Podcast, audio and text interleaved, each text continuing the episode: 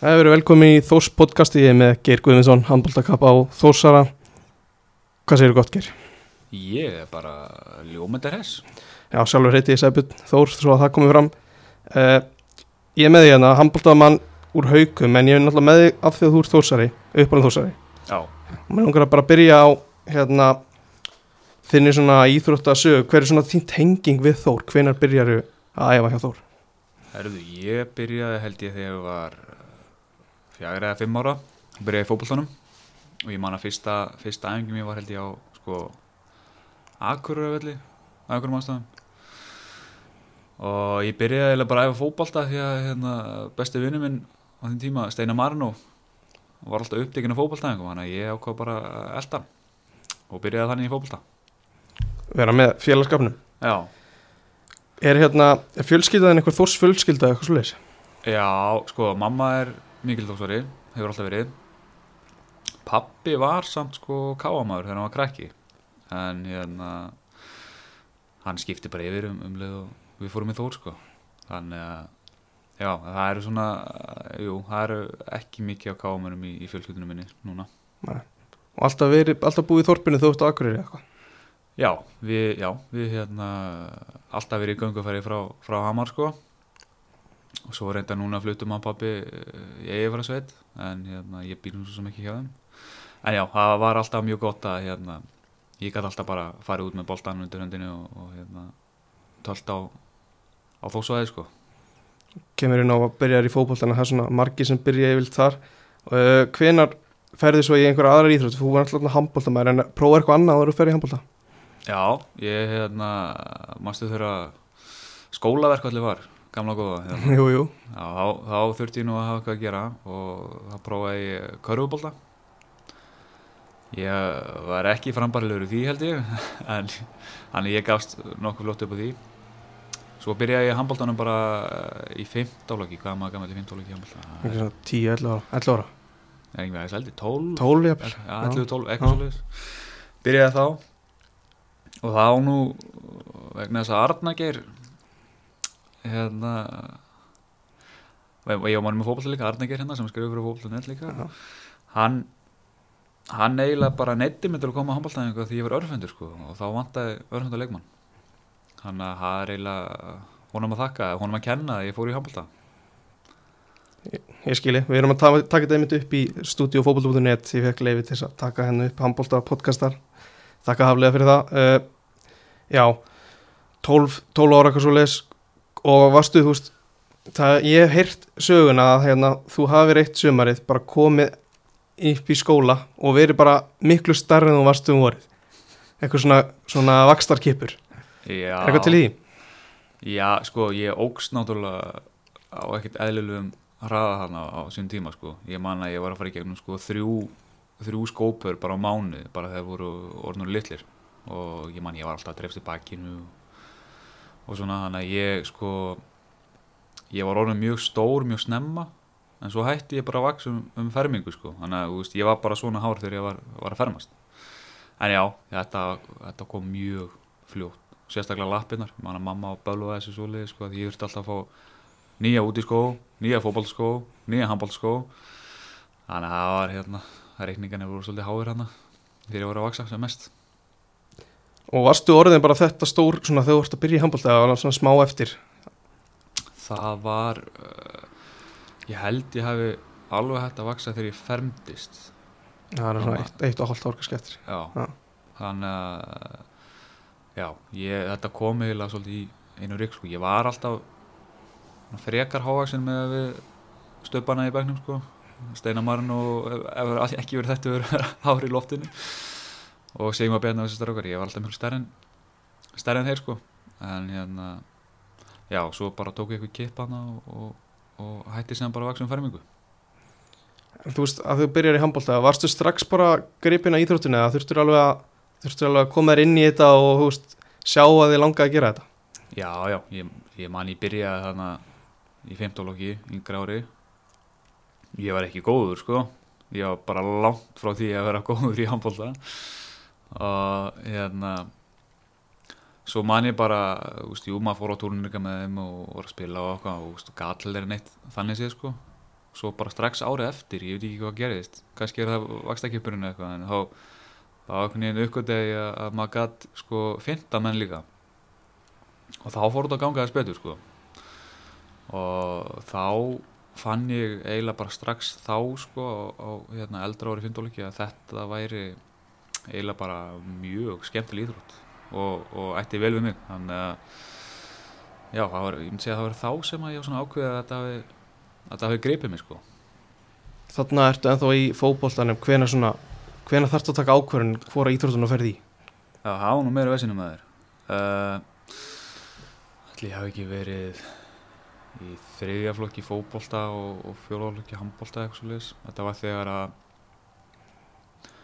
var búið að taka mín í meistarlokk í handbolta hana sko. Og æfingálaði var orðið þannig að sko ég var að fara á þrjár, fjórar æfingur á dag hverjum einstu degi. Og hverja einstu helgi voru, voru tveið-þri leikir. Og ég man að ég taldi þetta saman einhvern tímann. Að hérna, þá voru ég að spila uppfyrir mig í fótbolta og handbolta.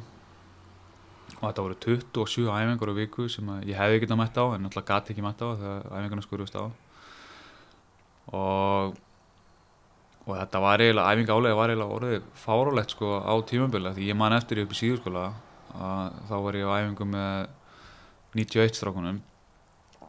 Og þá var fjóruða æfingu dagsins. Og ég man bara á miðri æfingu þá bara saði líka minn stopp. Og ég fór bara inn á salerni og laðist á jörðina. Og ég fann bara hvernig hjarta á mig og bara berjast við að fara út úr gassanum sko, bara hann hefur verið í 220 eitthvað sko. Og þá svona fór maður að finna fyrir að maður gæti nú ekki gert þetta allt. Svo var maður farin að fá pressu frá sko, meistarrókstælunum í handbólta þurftum að fara að velja, gengi ekki, get ekki mætt á æfingar út af einhverju fókbóltaleikjum og svona. Þannig að ég var öruglega í nýjönda eða tíunda bekk þegar ég ákveði að, hætti í fókbólta og sé ekki eftir því þetta sko, mér fannst áliðið alveg ægilega leðilegt í fókbalta á sín tíma sko. Og miklu skemmtilega í handbólta þannig að það lág bara að beinast við að velja handbóltan Þegar þú fer hann inn á salarinnið og hann að finna fyrir þessum, þessum herslætti var hérna tókstu þér eitthvað, eitthvað þurftu þér eitthvað frí eftir þetta, eitthvað, eitthvað dagar eða varstu bara reddi bara daginn eftir það? Nei, nei, maður bara hérna, klára æfinguna og fóð sér heim sko og, og mætti í skólan og svo æfingar daginn eftir. Það var ekkert engin pása sko, það var engin eftirkvist að þessu sem betur fyrir en ég man að hann hérna ég held að veri Jón Alli Jónsson sem var í handbóltanum hjá Þór. Línum að þér ekki? Jú, jú. Hann kom að mér sko. Hann eiginlega bara svona hálpættin skammaði sko, bara spurði hvað hva í fjandarm ég var að pæla að fara allar sæfingar. Þannig að já, þetta er ég mæle ekki með þessu. Nei, svo kynist þér aðspætti þá áttu þá áttu örfennskita hægri skita og pættu 1993 þannig að þú hefur verið að æfa hann með bara upp, upp bara 90 árgangunum jafnvel upp í þú veist upp fyrir því handbóltana, Hver, hvernig er það? Já, ég, það, það var mjög skemmtilegt sko. Og hérna og manni fannst alltaf að þetta verið mjög mikill mikill heiður að fá að kljást við eldri göttana sko. Og þetta bara eins og komst inn á þá, þá var ég orðið mjög stór mjög snemma. Þannig að það var eiginlega sko, svindl fyrir strákana sem voru jakkað mér að, þurfa að kljástu mér því þeir náðu mig kannski bara sko, að nabla sumir. Þannig að þetta var bara mjög holdt fyrir mig sem íþróttamann að þurfa að díla við þessa stóru gæja sko, því að það eru mörg dæmi um, um stráka sem að verða stórir og sterkir mjög snemma og er alltaf að keppa við litlu strákana og þá þurfa þeir ekkert að, reyna á sig sko, þá trista bara þeir eru stærri og sterkari og þannig ég held að það hefur gert mér mjög gott að, að spila við þessi eldurstráka snemma sko. Af því að þá, þá neyðist maður til að þróast sem íþróttumæður og, og meira að, að treysta á handballarlega getu en, en styrk og hæð sko. Þannig að þetta gerði mér mjög gott sko, ég er mjög þakkláttu fyrir að hafa að vera hendi í, í djúbulegina snemma sko. Varstu þarna að æfa með einhver, þú veist ég fiska eftir þessu þegar ég var að tala um Hafþór Mára, hérna, Hafþór Mára einhver svona, einhverja fyrirmyndir í handbólta og einhverja íþróttulega fyrirmyndir, einhverja þós kannski og svo út af við út í heimi. Já, uh, það er náttúrulega Aron Einar. Ég man eftir hún bara sem, sem gutti sko að maður voru að horfa hann í fótballtanum og hann var alltaf mikil fyrirmynd fyrir mig. Bæði bara að hann, hann er þósari og komið þorpunni og, og, og sko uppvakstar árun okkar voru mjög svipuð. Það engendist mjög mikið af því að fara bara út á daginn sko og finna sér eitthvað að gera og maður endaði vel eitthvað á þórsvæði eða sparkvelli eða eitthvað. Og hann var svona mikil fyrirmynd fyrir mig þá. Svo svona aðeins setna mér þá, þá leiti ég mikið upp til Áram Pálma af því að hann hérna, hóf, hóf sína hóf sín fyrir mig ungur sko og það langaði mig alltaf að gera. Svo náttúrulega bara Ólafur Stefánsson og þetta klassiska sko og svo horfði ég mikið á hérna, Daniel Narcís mm -hmm. franska franska handbóltamannin fannst hann alltaf alveg ægilega flottur sko. Og þá var einstaklega skemmtilegt að spila á mótu honum í fyrsta, fyrsta aðtunum á leiknum mínum sko út í Fraklandi þannig að það var, það var ekstra sett Við komum inn á tímanu Frakland og eftir. En hérna einhver handbóltafyrirmynd hjá Þóri eða á, hjá Akkur eitthvað svo leiðis uh, Það er góð spurning.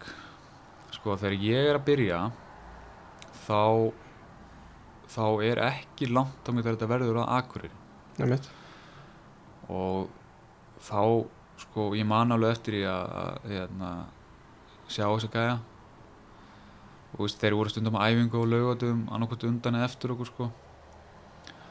Og ég hérna, man alltaf eftir þegar ég sá andrasnaði fyrst bera nú ofan það var smér alveg magna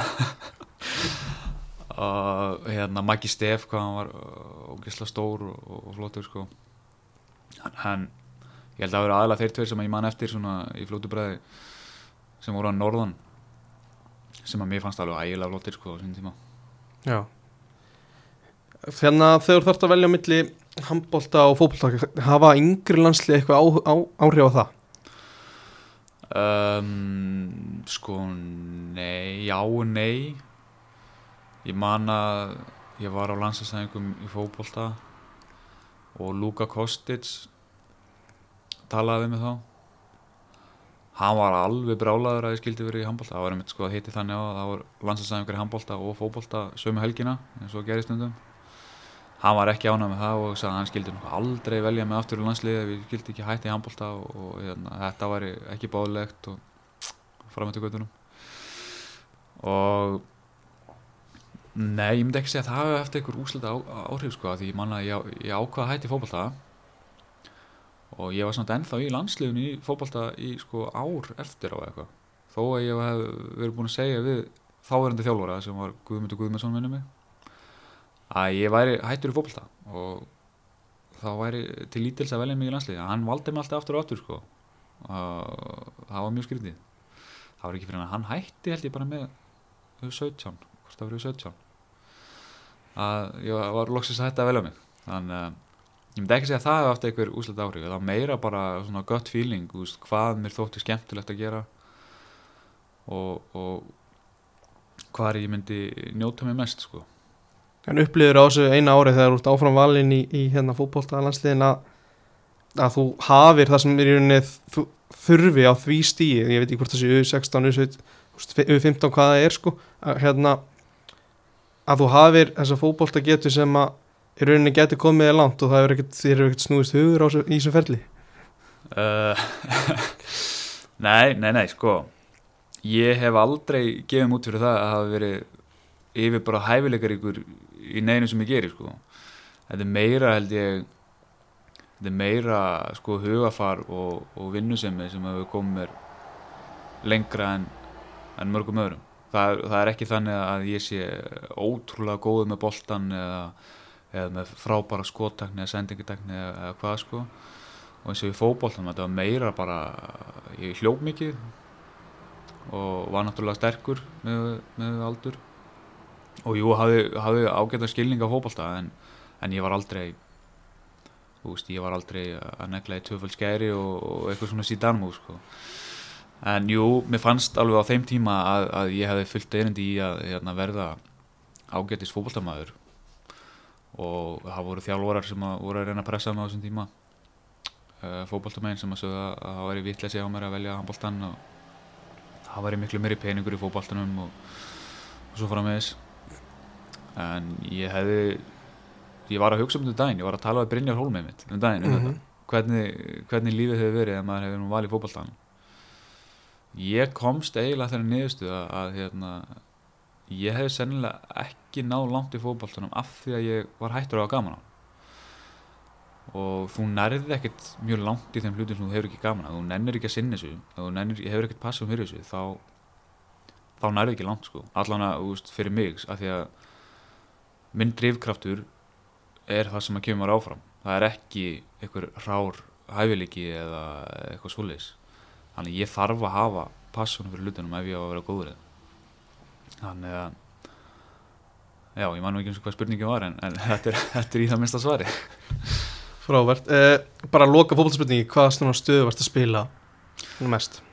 Ég var uh, miðjumadur, svo var ég hafsend og svo spilaði ég stundum þegar ég var að spila upp fyrir mig.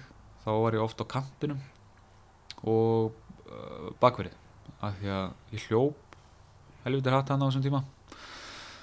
Og ég manni fyrsta meistróleiknum með fótballta þá var ég með settur á eitthvað þá voru eitthvað æfingum átt greifamótið eða eitthvað. Og spilandi Dalvík að ég man ekki hvað það var. Þá var ég með settur á eitthvað einhvern gutta hana sko sem var mjög hraður. Og var ég settur á kantinn bara þegar elda hann sko þannig að já, það var, það voru svona mína stöður. Hvað, er, ertu örfættur eða réttfættur? ég rétt veitur Þá höfum við það, örfættur og réttfættur. Já.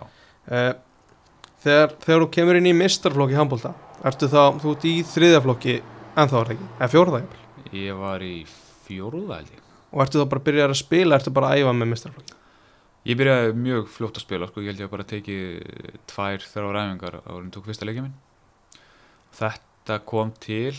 af því að uh, Rúna Sigtryggs þjálfari, þáverandi hjá Akureyri hann var að þjálfa og, og var búinn að fylgjast með mér og vissi alveg hverju var og, og bróður hans Áttu Sigtryggs var í hæriskeitunni og hann var á leiðinu uppskurð og þeir voru að leita leiða til að geta fyllt í skarið þegar hann er í frá í þessar vikur á mánuði.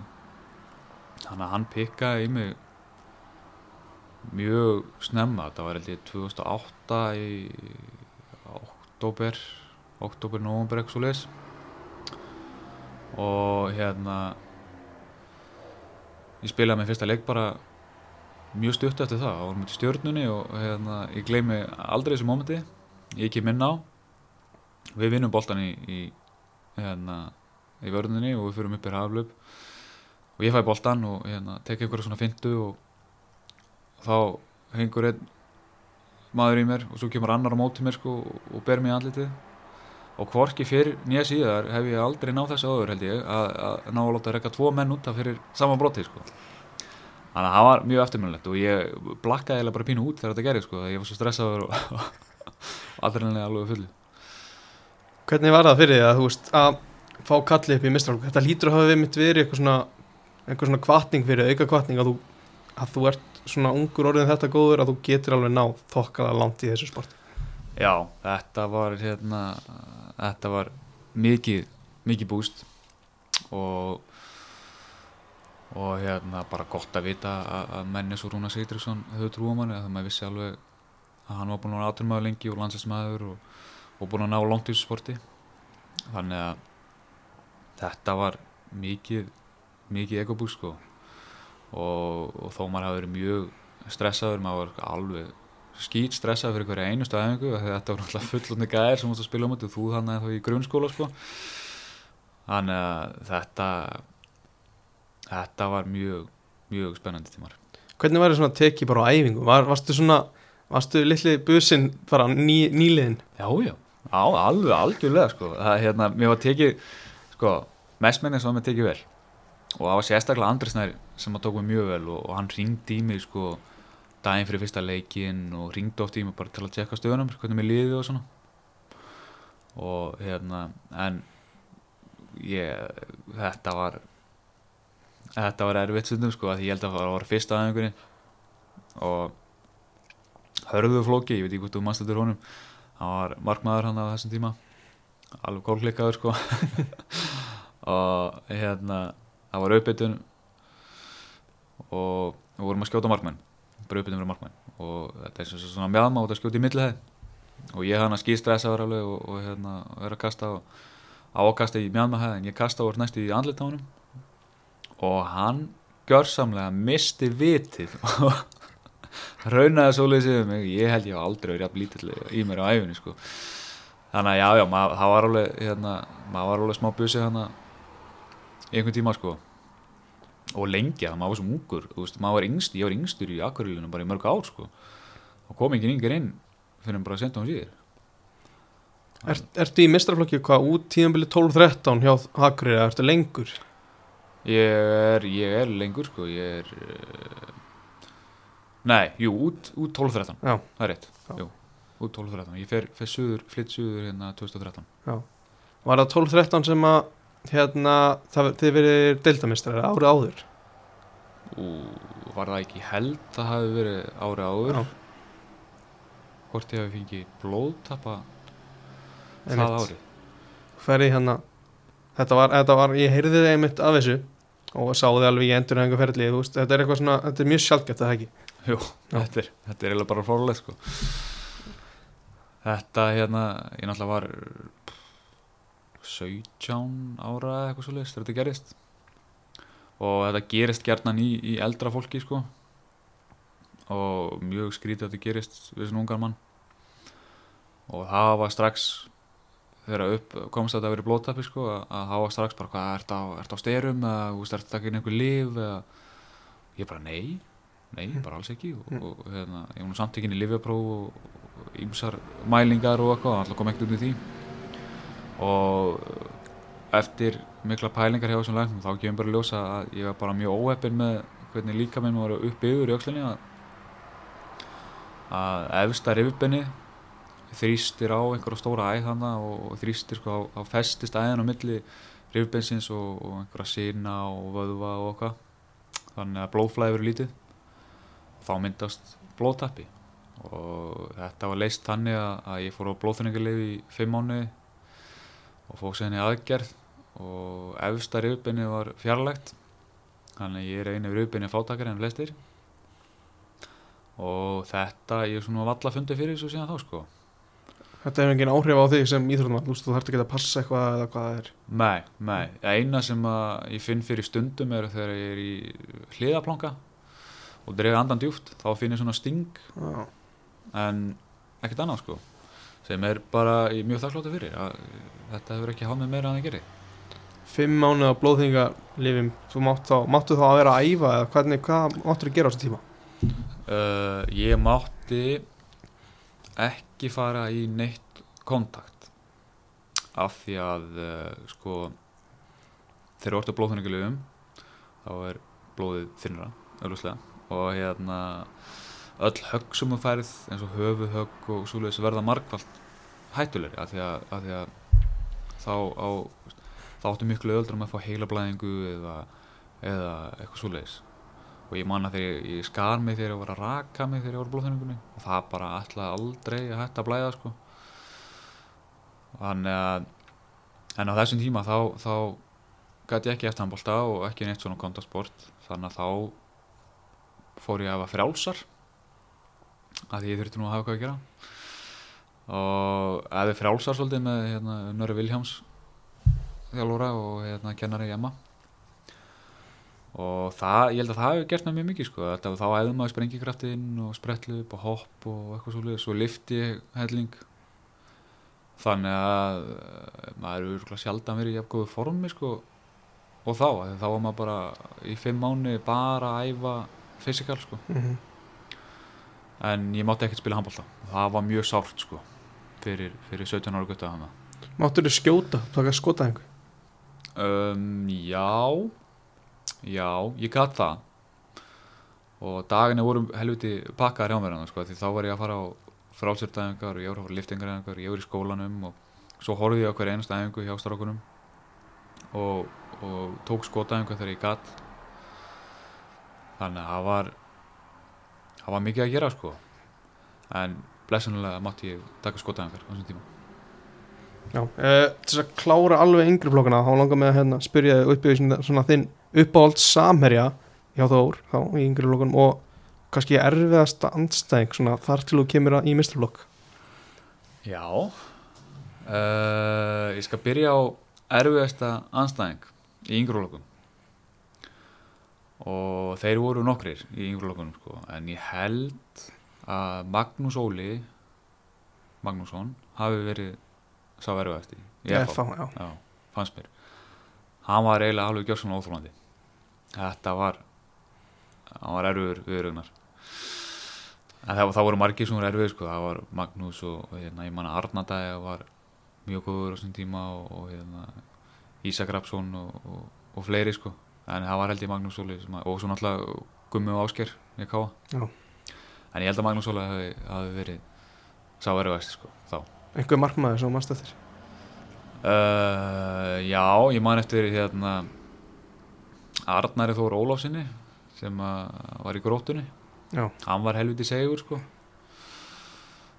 Og Siggi Ingeberg var í FH þá og hérna hann var mjög góð líka það var hérna já já, það voru margir, margir góður sem að spila á móti sko. En besti samherrin það er góð spurning. Og líka bara eitthvað svona besti vinnur í gegnum yngri lokunum já, í handbóltanum þá. Já, Sko, ég held að ég, hérna, ég held að hafi gert mér mjög gott að spila hljóðan á Arnarger á sín tíma. Hann var mjög góður og, og kunna að spila upp á upp á félagana og uh, svo náttúrulega Dóri Ká ég spilaði með honum í gegnum gegnum súrt og sætt hjá Þór. Og það var oft sko þegar við vorum eldra ári það var ekki það var ekki sko það voru ekki margir á eldra árinu þannig séu og það, það vorum ekkert með háklassa lið þannig að það bar svolítið á það þurfti svolítið að vera á okkur Dóra að hérna, reyna að gera eitthvað að viti þannig að hann var flottur og svo ef við förum í eldri strákana sko þá voru menn eins og Valþóralli og, og hérna og Beggi Gísla og þessi strákar. Það var mjög gott að spila með þeim. En svona næst mér held ég að vera Arnagjör og, og Dóri sem að sem að voru bestu samarinn í, í, í hérna yngri lókum í mínum árgöngum sko. Þegar koma forgansröðum bara þú veist það er æfingi á mestaraflokki og svo aftur það er að koma leikir Hvern, þú veist hvernig þú þurfti vantilega að velja hvort þú myndir spila með þriðaflokki eða að sleppa því skilur Já, þetta var eiginlega hálskrítið sko að ég man að ég var að spila með sko mörgum flokkum hann á þessum tíma.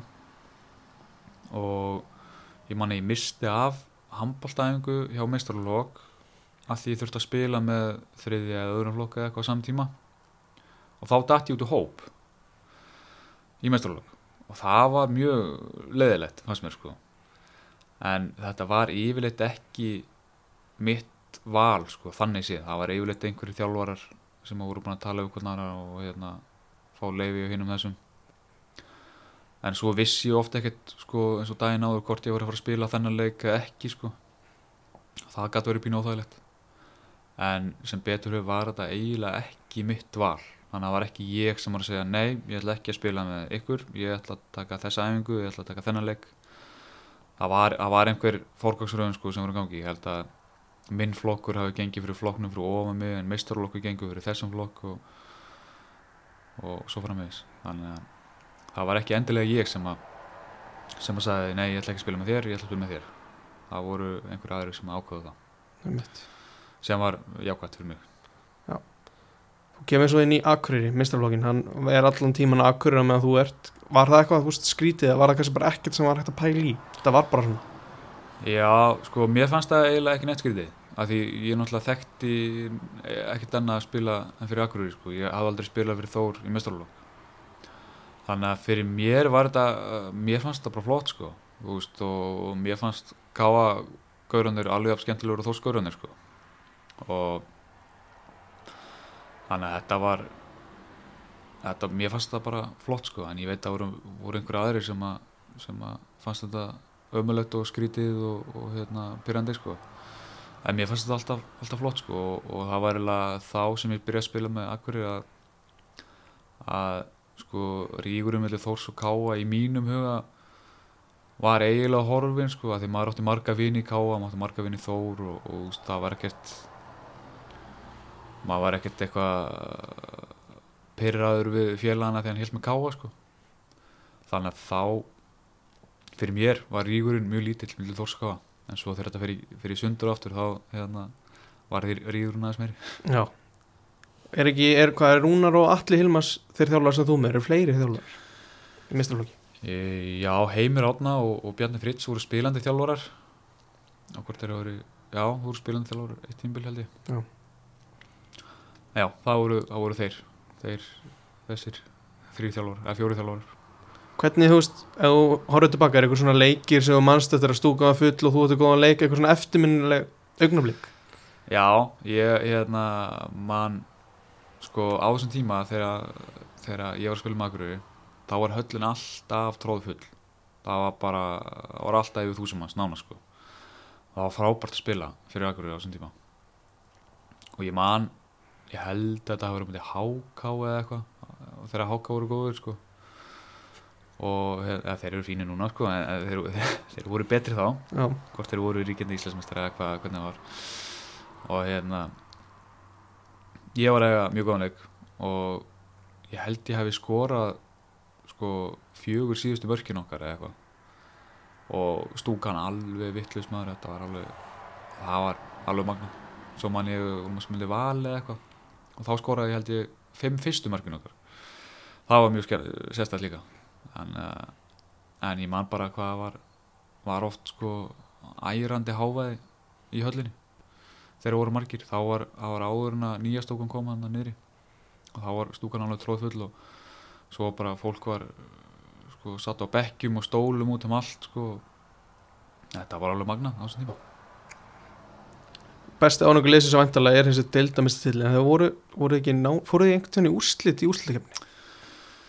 um, ég var ekki einu sinni á móti FH Með minninu blæðið að fara einu sinni í úrslit. Já. Ég man það ekki alveg sko. Jú, ég held að við höfum farið einu sinni úrslit.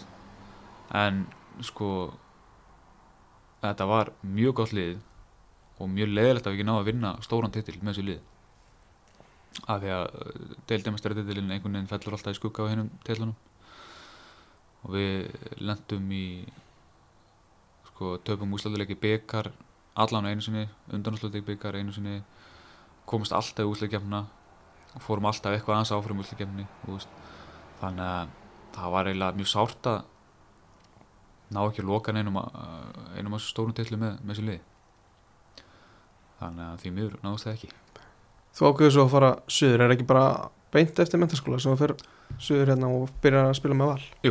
Það var bara beint eftir Emma. Þá hérna, sem ég var val og flytt söður og hérna það var þegar Óli, Ólaður Stefansson var að taka við valsliðinu. Já. það þótti mér alveg ægilega spennandi. Þannig að valið var eh, ekkert svo erfitt á þeim tíma og ákvaða að flytja hérna suður og, og, og spilum á val. Það var mikið lukkspor fyrir mig. Ég heyri sögðu af því að þú hafið ákveðið bara strax að þú ætlaði að æfa bara eins og atvinnumæður og væri ekki í skóla eða vinnu með þessu. Já, það var pælíkin sko að hérna, þarna ætlaði ég að- að fjárfæsta í sjálfum mér. Og þetta var líka þannig að sko ég ætlaði nú að vinna yfir sömarið og koma sem söður en Óli sko leti okkur koma söður bara sko í júni eða eitthvað bara alveg óheyrilega snemma. Þannig að maður náði ekkert að vinna. Og þá ákvaði ég sko að ég ætlaði að einbyrða mér handbóltanum og hérna þannig ég fekk mér hlutastarf hjá Joe and the Juice og var bara tók nokkra vektir í viku og annars var ég bara að æfa auka og var á lólinn og svo bara uh, náðum maður ekkert endum saman þannig sko þannig að þá jók maður aðeins vinnuna og endaði þannig að ég kom inn í fullt starf og síðan var ég hún Vestlandstöri og síðan var ég hún gæðastöri hjá Joe. Þannig að vinnan var hún helviti mikið sko. Og þá ákvaði ég fyrir skóla og þá var skólinn eiginlega bara sko frí með vinnuna. Og þá náðum við aftur að einbæti sem meira handbóltanum og, og hérna þá gæti maður tekið hátdegisæðingar og, og morgunæðingar og svo leiðis meira af því að, að, að skólinn er aðeins liður í en, en, en vinna. Að en já, það er satt. Ég ákvað þarna að, að ég ætla að ná langt og til þess að ná langt þá þurfti ég að æfa auka. Fannstu bara, fannstu á þeir svona fljótlega að bara skiptum umhverfi og, og aðeins einbytta er alveg að handbóltanum hafði það áhrif, fannstu fyrir því að þú varst alveg að bæta þig hratt? Já, mér fannst sko bara þetta skref að, að flytja frá Akureyri og fara í burtu frá fjölskyldu og, og, og vinum. Bara það skref er stórt og, og ákveðið milliskref í því að fara út í atvinnmennsku og mjög góður undirbúningur að þegar þú fer út í atvinnmennsku þá ertu svolítið bara eitt sko. Veist, það er, það er ekkert stuðnisnett þannig séð. Þannig að, en auðvitað hafa maður stuðnisnett þegar maður fyrir Reykjavíkur en það er hans minn þannig að ég fann það alveg að, að þetta sko, maður þroskast bæði sem einstaklingur og íþróttumæður með því að taka svona skref þannig að ég mæli alveg með því að, að, að og ég þú sért ekki í íþróttum að, að prófa að flytja í burtu frá heimafélunum og heima hérna, bænum og sjá hvernig er að búa annar staðar að þetta er bara þetta er svo þroskandi fyrir fyrir maður sem einstakling sko. en já og svo bara komast ég annað umhverju og æfum öðru, öðru félagi og aðeins öðru þessi æfingar og aðrar áherslur og svona. Það er bara þá, þá tekum maður bætingum sko. Þegar maður prófa nýja hluti og, og, hérna, og, og leggur áherslur á aðra, aðra hluti. Hvena fyrir svo til Fraklands, hvað árið það? Það var 2016 2016 Þannig að 2013 til 2016 hvernig þú veist horfur á þann tímam hjá all? Mjög, mjög góður Mér leiði mjög vel hjá, hjá all og okkur gekk vel. Við erum deildamestarar einu sinni, byggamestarar einu sinni. Vorum alltaf í, í hérna baráttu um títil sko. Og leiðilegt að ná ekki að klára Íslandsmyndstartitilinn og þetta var bara mjög góð tími sko og mér leiði vel. Og margar góðar minningar og, og margar góðu vinni sem að sem að regnast þannig í val. Er eitthvað svona einn eftirmennileg leikurinn annar, byggarúslega leikurinn eða hvað það er? Já, bara byggarúslega það var ruggla það var hérna við unnum hauka í, í undanáslutum og ég man að ég byrjaði þann leik og, og eftir kortir var ég búin að skróta tvei mörg og, og einast ástendingu eða eitthvað. Það var sem tekin út af. Og þá var það þeirra Ómaringi var með okkur lið og, og hann spilaði síðan restina og hann var frábær. Skóraði tíu mörg eða eitthvað og bara vann leikin fyrir okkur sko og þannig að maður var mjög gladur eftir leika að hafa unnið en, en samt súra að fá ekki spila meira sko. Og svo daginn eftir þá var úslutuleikurinn og það var mútið gróttu minnum mig. Og leikurinn var alveg í jafnum og, og, hérna, og Ómar byrjaði og búin að spila allan leikinn og, og svo, fæ, svo kem ég inn á hann í setnáleik og átti bara mjög góðan dag og skoraði hann að fjögur að fimm mörg bara á mjög stöttum tíma. Og við unnum leikin með 2-3 mörgum eða eitthvað og það var alveg ótrúlega tilfinning að hérna að ná loksins einhverjum stórum til Tilfinning sem hundi ekki glema? Nei, þetta var alveg frábært sko. þetta var geggja og þetta, já, þetta var alveg magna uh, Hjá Val spilar eru svolítið með en ekki frendi en Guðmundur Hólmar? Jójú Hvernig, hvernig, hvernig liðsfélag hefur hann verið gegnum tíðin og, og innan og utan allar bara? Bara æðisluður sko við erum alltaf búin að þekkjast bara frá því að ég fættist nánast og, og mikill samgangur í fjölskyldunum okkar þannig að við erum alltaf vorum alltaf að leika okkur saman sem krakkar og svona og svo spilum við saman þannig í Akureyri og hérna og við erum alltaf báði kjúklingar þar sko en það var alltaf mjög gott að hafa gumma bæði, við spilum saman í Yngrelandsliðum, spilum saman í Akureyri, svo spilum við saman í Val svo spilum við saman í Fraklandi þannig að við höfum fylgst svolítið aðeins gennum árin og alltaf gott að hafa frænda sko ef að ef það bjátar eitthvað á, getum að tala við eitthvað eða hvernig sem það er. Þannig að það er bara mjög, mjög gott að hafa haft hann í gennum, tíðina. Hjá Val, ertu þú ertu, ertu eitthvað nálagt æfingahópi eða landslýshópi eða hvernig, hvernig staðan á því? Já, þá hérna já, já, þá, þá var maður oft valin í svona úrtök og þá æfði maður kannski í eh, 30 manna hópi eða eitthvað svo leis og fekk að æfa með Guðum og þeim það var mjög gaman sko en maður var aldrei neitt eitthvað brjálagslega nálægt í að komast í hóp sko Nei. en uh, maður fann að þetta var, var mjög líki þannig að já, já, maður fann alveg. Maður fekk svona bræðið á þessu. Svo árið 2016, af hverju ákveður þá að fara út? Er einhver, einhver á- sérstök ástæð fyrir því? Uh, þetta var alltaf markmiði og ég var næstu að fara út árið áður.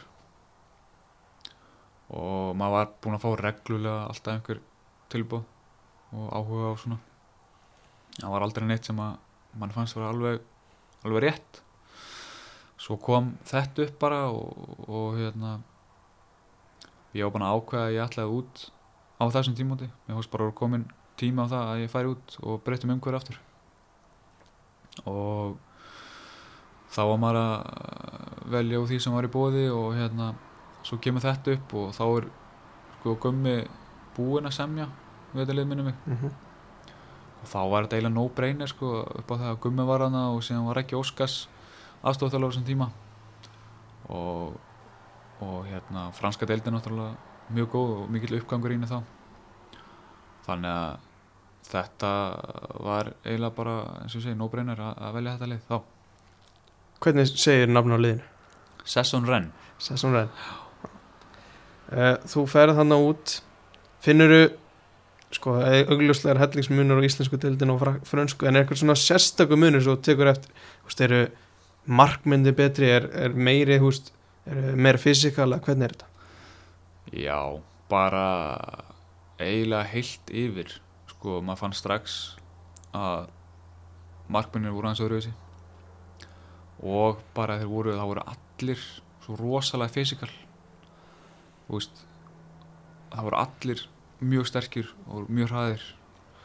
Og það var og svo, svo bara svona eðlismunur á hvernig menni voru að brjóta það var, sko, ég held ég að sjaldan, mjög sjaldan á mínum ferðli úti lenda á herðablöðunum í leik. En það gerðist nánast í hverju mennstaleik hérna hérna á Íslandi þá.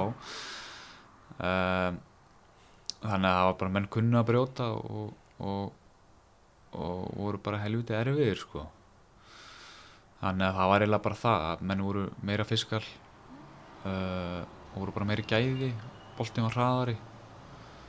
Og uh, já svona eiginlega það bara. Þegar þú kemur út, er eitthvað svona skilabóð frá þjálfarteminu, þetta er það sem þú ert að laga mest hjá þér í þínu leik? Um, Nei, í rauninni ekki sko. Það fyrsta sem við sögðum var eiginlega bara að hérna, að, að ég var ekki í því hlutverki að, að skora flestu mörkin eða vera bestur í liðinu skilur það meira bara þú ert í liði og, og hérna, þitt markmið á bara að vera að sinna þinni vinnu. Og, og ef þú, ef þú tekur tvö skot og skora tvö mörk í leik þá er það bara frábært. Það er bara algjör snill, þá bara gerur þau þínu vinnu og bara flott. Og þannig að það var það var eiginlega svona veist, auðvitað, ég fór ekkert út með það mentaliti bara að nú ætla ég að skora tíu mörk í hverjum leik og vera langt bestur og, og eitthvað. Auðvitað var maður raunsar en það var líka gott að fá þetta skilur, það var ekki verið að ætlast til þess að maður maður væri bara eiga stjórnuleik hverjum einstaleik þannig að já, það ég mani til þessu samtali að það var bara þú átt bara að með það markmið að, sinna þenni vinnu og ekki gera mörg mistök. Þannig að það var það var alveg skilubóðin þá. Skilji, uh, Varnamæðurinn Geir Guðmundsson. Já. Hvenær byrjaru að spila vörn? seint, uh, allt og seint. Ég hérna fekk ekki að spila vörð hjá Akureyri. Ég ætla að bara kjúklingur. Skipta alltaf vörð svona þar. Um, svo kom ég til Vals og um, fyrst var ég ekki mikið að spila vörð eiginlega ekki neitt. Síðan fekk ég að spila vörð og uh, var alveg farin að spila vörð þannig að síðustu tvö ára minnum mig. Síðan fer ég út. Og þá var svona allur gangur á því hvort ég var að skipta vörðsókn eða ekki. Síðan var ég farin að spila alveg vörð og síðan meira svo tímbili var ég bara farin að spila vörð það var svolítið sérstætt að ég hérna sko maður, leikmaður sem var vanið því að, spila bara sókn var alltaf bara fara að spila vörð það var pínu sérstætt en hérna en ég veit alveg að, að varnarleikurinn er eitthvað sem ég þarf að bæta í mínu leik. Og ég er að vinna í því. En hérna það tekur bara tíma og, og elju sem mig en það er líka bara allir Hvernig fyrir félagins og renna að mæta PSG og svona stórliðum? Er þetta, er þetta allt öðru í sér leikir heldur en hinir í deildinni eða hvernig er svona upplifun á þessu? um, sko, nei, í raunin ekki. En þetta er samt þannig að sko, leiðilegt að segja en þú, fer, þú ferðin eitthvað leik til að vinna en þegar þú ert að spila á mútið PSG þá veist alveg að líkunar og vinnir eru ekki miklar. En þú reynir náttúrulega alltaf eins og getur og en því þeir eru kannski aðeins öðru upp á það að gera að það er eiginlega minni press, press á þér. Þannig að þá nærðu oft sko nokkuð góðum leik þegar þú ert ekki með press á þér og við komumst nokkur í sunnum svona ágætla nált í að vinna þessi lið. Mann eftir einu leik, fyrsta leiknum mínum er þess að sko fyrsta leiki deilt var á múti PSG og það var bara hörku leikur þannig til að voru átta myndur eftir eða eitthvað. Og þá sildum við fram úr. Svo var annar á múti Montpellier og það var einmitt sama bara alveg hörku leikur bara fram að síðustu tveim sko þannig að það eru alveg, alveg nokkrir sko pínu munur á því þegar maður er að mæta þessum stór, stórliðum að þú veist að það býst engin við og vinnir. Auðvitað færðin leikir til að vinna en þannig að þá er svona aðeins minni press á þér. Það er svona eiginlega eini munur og svo náttúrulega stemmingin skilur yfirleitt þegar þetta eru heimilíkir okkur þá er þetta alltaf alveg tróðfullt sko og fólk er pínu starfströktur að sjá Mikkel Hansen og Apollo og Ómægir og þessa, þessa gauka sko. En já, það er svona finnst mér, vera munurinn. Hvernig var að, við myndum bara að byrja á PSG, var það ekki alvöru byrjun? Jó, það var jó, það var líka spilum ekki, sko þetta var heimilegur okkur en við spilum ekki á heimavöldunum því að hann voru lítill. Þannig að við legðum einhver einhverja höll hann að þessi burtu og það var, úst, voru 5-6 hús manns eða eitthvað leiknum. Og fyrsti leikur, ég mani, ég var alveg rosalega stressaður. Og hérna en um leið og byrjar að spila leikin þá hverfur það. Þetta var, var mikil upplifun þá var ég með að spila móti þessum hetjum sko, Daniel Narcís og Mikael Hansen og Karabatic og Ómægir og, og bara þú gæst nefnt alla í liðinu sko, og búin að horfa á þess að gæja í, í tíu ár og spila handbólta og hérna það var uh, alveg ótrúlega upplifun sko. Og ég man meira þess að í þessum leik þá, þá hausa ég Ómægir og þá rata ég eitthvað svona mörg vikunar eða eitthvað. Það var alveg ekki þannig að það var það var mjög skemmtileg upplifun Það er myndið eins og segir að hérna, þú kannski ferðin í leikin og það er ekkert allt og mikil trú bæði, eða svona aðalega kannski utanfrá að þið náðu að vinna leikin veist, og vera pressuleysi í svona leikin þú, þú veist að allir eru að fylgjast með PSG, það lítur að í rauninu aukað við það að þið vilji vinna leikina því það er allir að horfa. Já, að bara að sjálfsögðu, það væri líka bara fyrir okkur uh, eitt af svona minni liðum innan gæðsalappa í deildinni að vinna PSG væri bara alveg styrla sko. og, og þetta gerir það alveg sko, að hérna bara liðið sem ég var í unnu Montpellier á sín tíma þegar þeir voru sko í, búin að vinna deildina eða eitthvað og Sesson voru í fallbartu og unnu þann, þann leik og heldur sig þannig frá falli þannig að þetta gerist alveg sko og maður hafði alltaf trúaði við sjálfur að við getum unnið en, en og við vissum líka á saman tíma að það voru allir voru á PSG það voru öllum alveg sama hvort við myndum tapa með 5 eða 10 sko. Þannig að það var bara eins og segi líka engin press á okkur þannig sé og all pressin á þeim. Það var alveg, alveg gott að vita það. En, en þráttur það þá náðu nú aldrei að vinna þá sko. Nei, nei. Hvað ertu mörg ár hjá Sesson? fjögur ár. Já, þú ertu öll árin úti hjá sama liði? Já. Og hver þú veist, er eitthvað sem stendur upp úr hana? Bara hjá liðinu. Um, einhver leikur þá eða? Já, og bara upplifin í Fraklandi og svona. Já uh, byrja bara leiknum. Mm. þá vorum við að spila á móti Saran á heimaðalli þetta var held ég fyrsta annar árum mitt. Og hérna leikurinn búin að vera alveg gjörsamlega í járnum allan tíman og hérna það var jaft og, og sko mínúti eftir eða eitthvað í svo minni mínúti eftir og við tökum leikli og plönum eitthvað og jæri jæri og, og hérna síðan fyrir við þetta kerfi og ég sé bara opening þannig ég hopp upp og, og skýt. Og ég man að boltin var sko alveg gjörsamlega klindur í samskettin og mark, fór samt í puttan og markmannum sko og fór samt inn og, og bara ærandi háfaði hvaðan það komast þau einu yfir og kannski 20 sekundur eftir eða eitthvað. Ég man ég náði ekkert að fagna því að við að drífa okkur aftur í vörðuna svo drífa okkur aftur í vörðuna náðum að brjóta þeir taka aukakast og, og, rennur, og leikur rennur út. Það var alveg styrla að ná að skora segumarki á, á móti þessu liða því að þetta var, þá voru við í fallbartu sko. Og þetta var mjög mikilvæg segur það var alveg, alveg styrla sko og svo hitt sem stendur upp úr er kannski bara fólki sem að kynnist og, og franskan að læra franskuna þó að maður hafi bölvað því alveg gjörsanlega í sand og ösku allan tíma sem maður var núti að þurfa að tala franskuna þá hérna þá er ágætt að kunna hana núna. Þó ég sé nú ekki múin að tala hana síðan í mars eða eitthvað. Um, svo bara bara að hafa náð markmiðinu sín að spila sem atvinnumæður veist, ég stóð mig ofta því þegar ég var úti keirandi heim af æfingu eitthvað og hugsaði bara þetta, þetta er bara það sem ég ger veist, ég, ég mæti bara æfingar og spila handbólta og ég ger ekkert annað. Og fannst það alveg geggjað sko.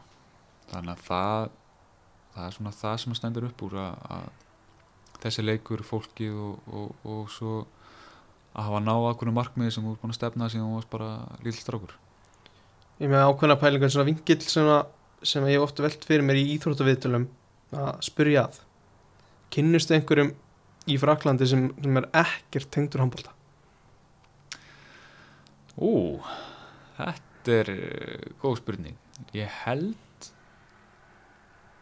Nei, veist, ég held bara ekki sko. allir sem ég þekki hann að tengjast á einn eða annan handbólta hvort þessu starfsmenn uh, styrtaraðilar eða, eða áhugamenn um handbólta það er held ég engin ég hef aldrei pælt þessu. Það er held ég engin sem ég kynntist. Jú, ég er ljúa ég er ljúa, það er hérna uh, fransku kennarinn minn. Hún vissi valla hvað handbólti var. Ég kynntist henni. Og hún hérna Ann Sandrín kynntist henni þar og svo öllum læknunum eftir þessar aðgerir og allt það vissin en það er eitthvað sem telur ekki. En hérna, já, ég held að hún sé eina sem er ekki tengt handbólta sem sem ég kynntist. Varstu mikið mittur að þú tala um aðgjörir? um, Já eh, Jú, svolítið. Ég hérna sleit tvö liðbönd í jöklanum. Þá þurfti ég að vera aðgerð og var alveg lengi frá eftir það. Svo kemur ég tilbaka og næði þarna rúmlega að tæplega heilu tímabili. Og svo svona í lók tímabilsins þá náði ég að sprengja mér kálvan og sagt, kom bara mjög stór rifa í vöðan og þá var ég frá í einhvern tíma líka.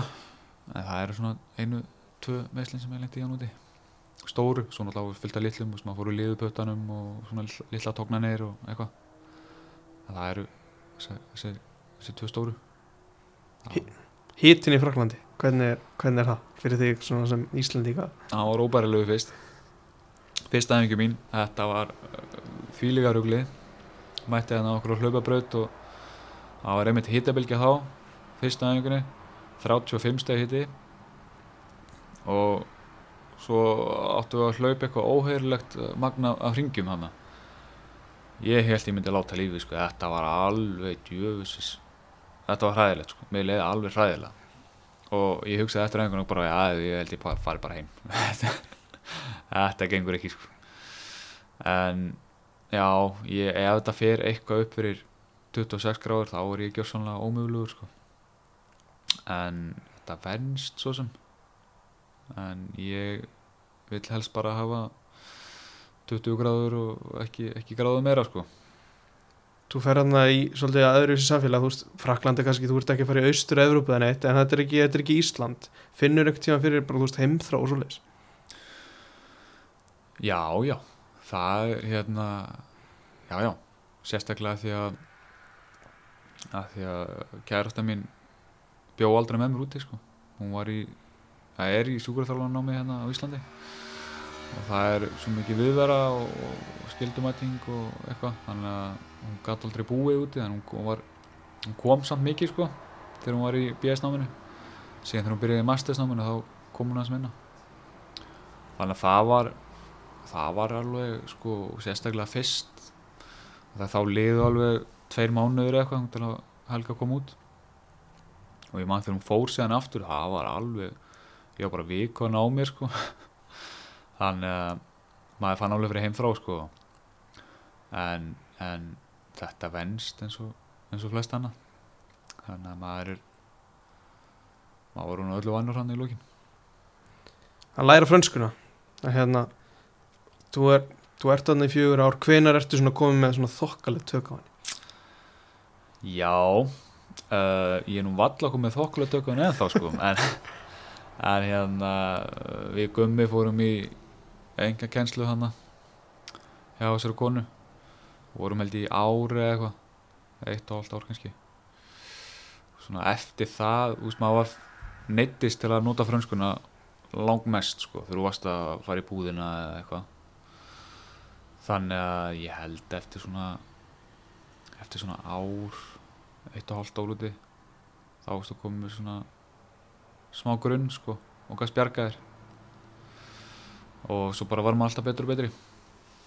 Þannig að og í lokinu var maður alveg nokkuð sleipur sko og, og hérna gætt berga sér í flestum og ég get berga mér í, í flestum eða ekki öllum aðstæðum þannig að það er þetta var erfitt sko.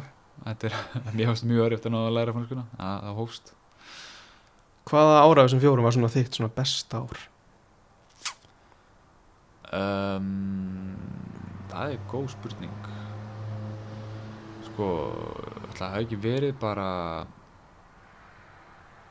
það hafi ekki verið fyrsta árið af því að sko á öðru árinu meiðist ég og svo á þriðja árinu meiðist ég líka.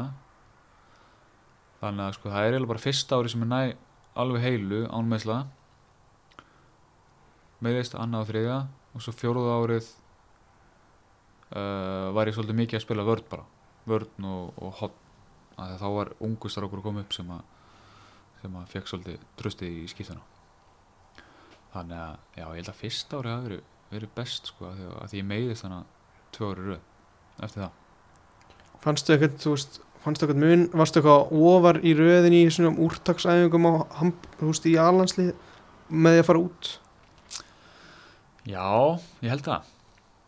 Ég allavega var valinn í svona æfingópa og eitthvað og, og hérna fóru eitthvað æfingómóti í Nóri en uh, ekkert eftir að ég mittist held ég. Því ég var alveg frekar lengi frá eftir auklumesslin og ég held ég hef ekki fengið neitt bóð eftir það sko. Þannig að, en já, ég held að það hjálpi, hafi hjálpað klálega að fara út sko og vera að spila í sterkri deild. Alveg klálega Hver er svona, ég talaði um að við ætlum að vera 50 myndir, við erum komið lengra en það sko, en, Nú, ok en að, hver er svona þinn uppáhalds útiföllur í frumstöldin? Þetta er svona eitthvað sem að ég var að velta fyrir mér að þeir eru vantilega misstórir, misshávarir, hver er svona eftirminnilegastur? uh, útvöldin hjá X er mjög flottur nýhöll og ógeðslega flottur sko og uh, hann var mjög skemmtilegt að spila þar svo völlurinn hjá Montpellier flottur líka. En ég held að skemmtilegast að vera að spila á Ívri vellinum. Lítið öllu ljótur sko vellinum. En hérna, við náðum bara bestu leikjunum þar. Og margir mjög spennandi og, og flotti leikir sem við spilum þar. Þannig að það var held ég skemmtilegt að spila þar að þegar þú ert að spila á mæti Montpellier og þá þá getur það verið svolítið strempi sko en uh, já, það voru svona flottustu vellinir út af vellinir Talar um að spila á mútið Narcís og Omayer og hver var svona var einhver svona sem kom þér óvænt og var mjög erfiður andstæðingur? Um, nei, það að því það, maður bjóst bara við því að það eruðu allir ógeðslega erfiður sko. Það sem komið kannski óvart var að hérna hvað hvað Mikkel Hansen er, er næs, þú veist, hann var bara alltaf að spjalla við mann inn á öllunum bara hvað, hvað, hvað var dómarinn að pæla það skilur, og, og, og, og, eitthvað svona sko. Og hérna, það komið pínu óvart þú veist, að því að hann þurfti ekkert að vera að tala við ykkur kjúklingu sem við sko. Nei. þannig að en nei, það komið nú ekki óvart hversu erfiðir þeir eruðu sko. Að því maður vissi svo sem alveg að þetta væri þeir voru djúðlega segjar allir sko Fekstu það á einhverju tímapunkti mögulega að skipta um félagi fraklandi eða fara eitthvað annað erlendir uh, já, já. Það kom alveg kom alveg upp á borðið sko.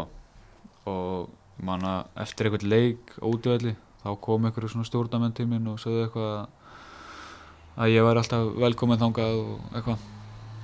En maður skoða það aldrei neitt neitt alvarlega sko. Því ég var alltaf bara samlingsmundin og svo buðið mér annan, annan samning og, og hérna ég ég þáði það og leiði vel hana bara og, og hérna langaði ekkert að flytja mér set ekkert alvarlega. Þannig að en já, það, maður fekk alveg einhver einhvern áhuga sko, en maður skaut það yfirleitt niður bara í byrjun sko, sagði bara að maður væri samlingsmundin og Er eitthvað minning frá fraklandi svona eins og ég kom inn á ekki tengt handbólt eða veist, gerður eitthvað sem að er mjög minnistætt veist, náður að gera eitthvað á milli leikja? Fara einhvert e, já, já, maður náði núlega að gera eitthvað sko, þegar að Helga var hjá mér þá, var maður duglegar að gera eitthvað, veist, fara á ströndina og eitthvað. Svo fóru við í Disneyland, tókum einu helgi það. Það var helviti minnistætt. Og hérna mæli með að fyrir Disneyland ef, ef, ef maður hefur áhuga svo leiðis svo bara þegar fjölskyldan kom í heimsókn og maður fór að skoða hérna Normandi og eitthvað. Maður náði alveg að skoða slátt en, en ég nefndi ekkert að gera einn. Nei, nei.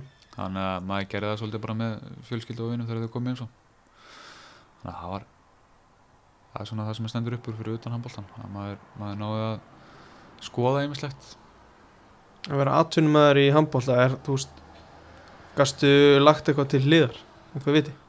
Já, já, já, já maður, hérna, alltaf þegar ég flytt út en maður er ég nánast á núlinu sko að því tók eitt ár í skóla hana og, og það fór mikill penningur í, í það.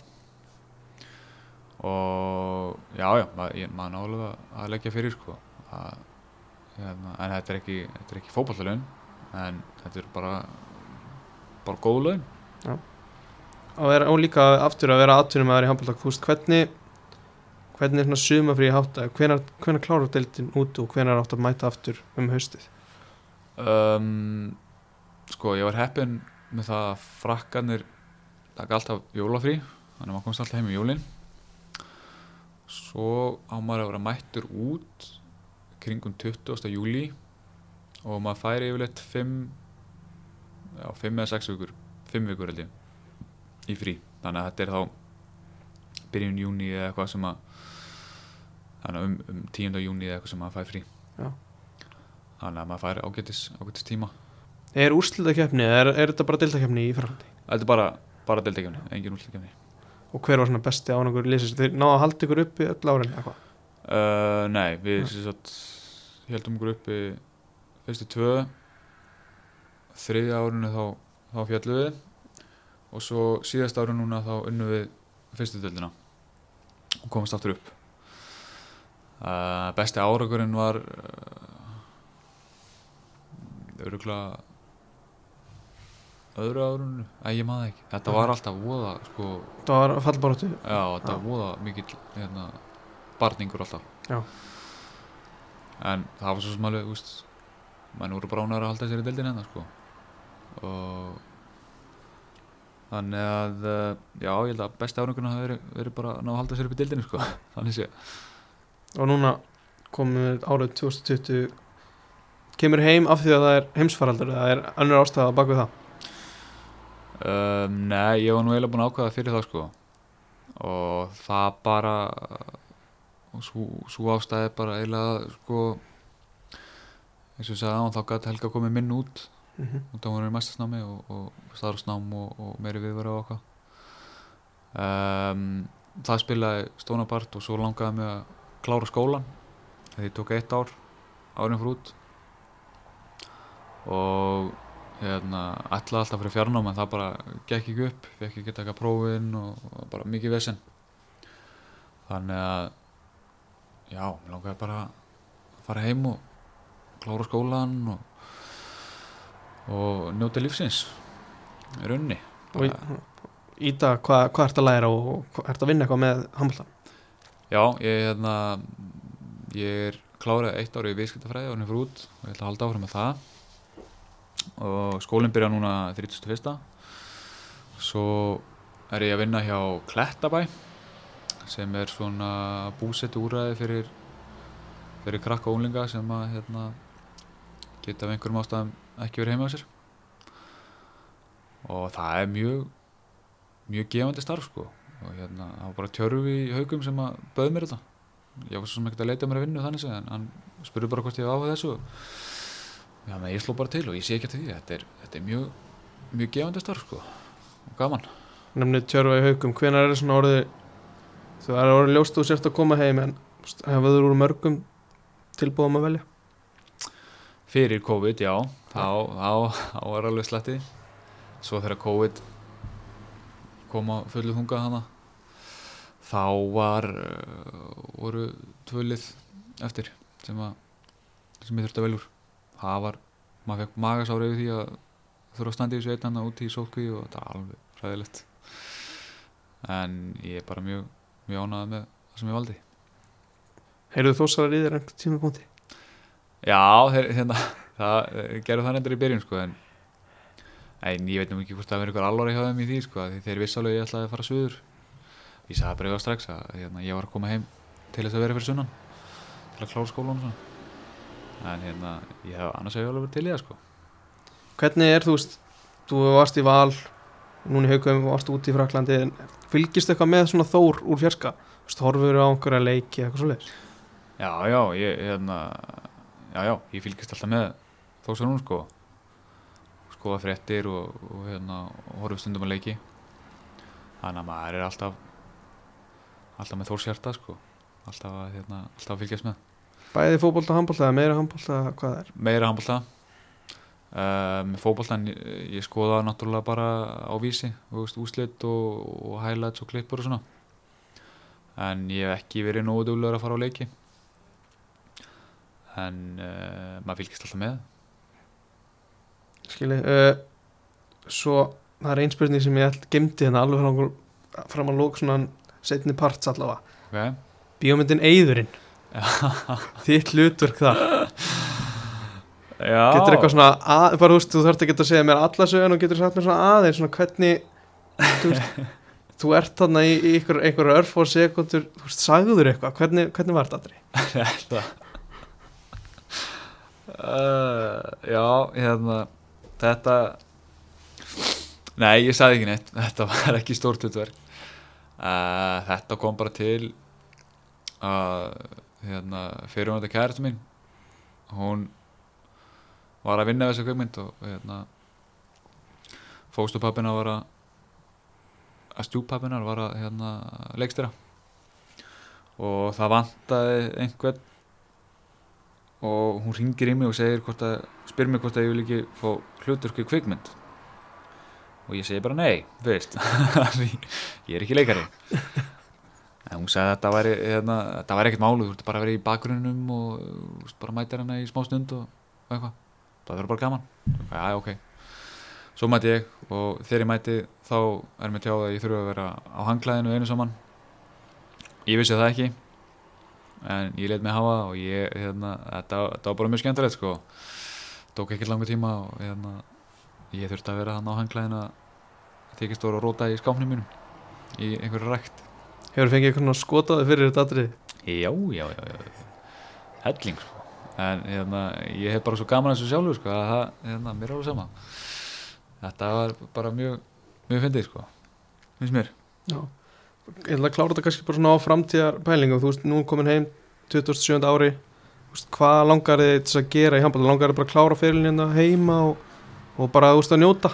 Eða hvern, hvernig er svona hugafærið? Um, já, sko eins og staðinu núna þá, þá langar mér svolítið bara að hefja mitt líf á Íslandi sko, fara í skólan, klára skólan uh, finnum ekki sem einhver spennandi vinnu og, og hérna bara njóta þess að vera til sko en ef það kemur upp eitthvað mjög spennandi dæmi þá náttúrulega skoða maður það. En uh, en uh, eins og staðinu akkurat núna þá er ég ekkert alls ekki að leitast eftir því. Þannig að ég er bara mjög sáttur við hvar ég er núna. Hver er svona, þú veist, markmið hauka fyrir tímafli? vinna allt að sjálfsögðu. Þú veist auðvitað það er markmiði hjá flestum liðum. Þannig að maður bara hérna maður bara leggja undir sig hausinn og, og hérna og reyna að gera eitthvað gálegt í vetur. Mér líst bara á þetta hjá aukunum þannig að þetta verður bara flott. Það er eitthvað svona, þú horfður tilbaka, eitthvað ráð fyrir ungan upprunulegan í, þú veist, að verða sem má möguleika að vera góður íþróttamæður einhver sem þú sér á þínu ferli sem að þú veist að þú gerir hárrétt eða eitthvað sem þú myndi hefði vilja gera öðruvísi? Já um, bara eins og við komin á að, að hérna það er alveg sama hversu hæfileikar ykkur þú ert. Að ef þú nennir ekki að leggja það fram þá nærða aldrei langt. Og uh, það hefur verið svona það sem ég hef sennilega gert réttast á mínu ferli er að hérna, ég er alltaf tilbúin til að leggja mig fram. Og ég geri aukaðingar og og hérna ég huga mataræðinu og svefn og svona. Þannig að það er það eru hluti sem eru bara mjög mikilvægir. Að, að fólk átti sig á og ungir strákar og stelpur átti sig á að, að hérna sá sem er bestur þegar hann er 12 ára verður ekki endilega bestur þegar hann er 17 ára þegar hann er fullorinn skilur þannig að, að ef maður leggur sér fram og hefur áströðu fyrir því sem þú ætti að gera þá getur maður náða ótrústu lutum þrátt fyrir hæfileika leysi Ég líði alltaf hlustundum því að þeir koma alltaf með nei, hérna, hérna viðmældu þegar þeir koma alltaf með svona áhugavert í lokin. Mataræði, er það eitthvað svona sem að hérna hefur fengið eitthvað svona aðstöð utanfrá þar eða er þetta bara eitthvað ert meðvitar um þú mátt borða þetta og þetta og þetta? Uh, ég hef náttúrulega farið á miljón svona næringafræðingsfundi og eitthvað skilur sem að liðin skaffa manni en þetta er aðalega bara aðalega bara sem ég hef, hef gent mér sjálfur sko og finn bara hvað er gott fyrir minn líkama og hérna og þetta er mikið bara common sense þannig séð sko, bara aðeins að kynna sér hlutina og, og hérna þetta er ekkert svo mikið vinna að pæla í þessu. Þú veist bara ekki bara pítsu í hvert mál skilur. Það, það er hérna góð byrjun. Franski maturinn, hvað var bestar? uh, þeir eru alltaf þryggir þetta. Það er sannlega best af það. Maður hefur alltaf forrið þetta aðrætt og eftir þetta það var geggjað annars bara hérna öndin helviti góð þeim. Helviti góð. Og hérna vín með öllu. Gott líka. Þannig að þetta er bara gott Fyrir utan kærustu og kannski fjölskyldu, hvað var það sem þú saknaði mest frá Íslandi? uh, Bernasósa, ótrúlega satt. Bernasósa er frönsk en þeir kunna ekki að gera uh, Bernasósu er, þeir gera hana kalda og þykka og ömulega og hvergi eftir að finna. Bernes Essence.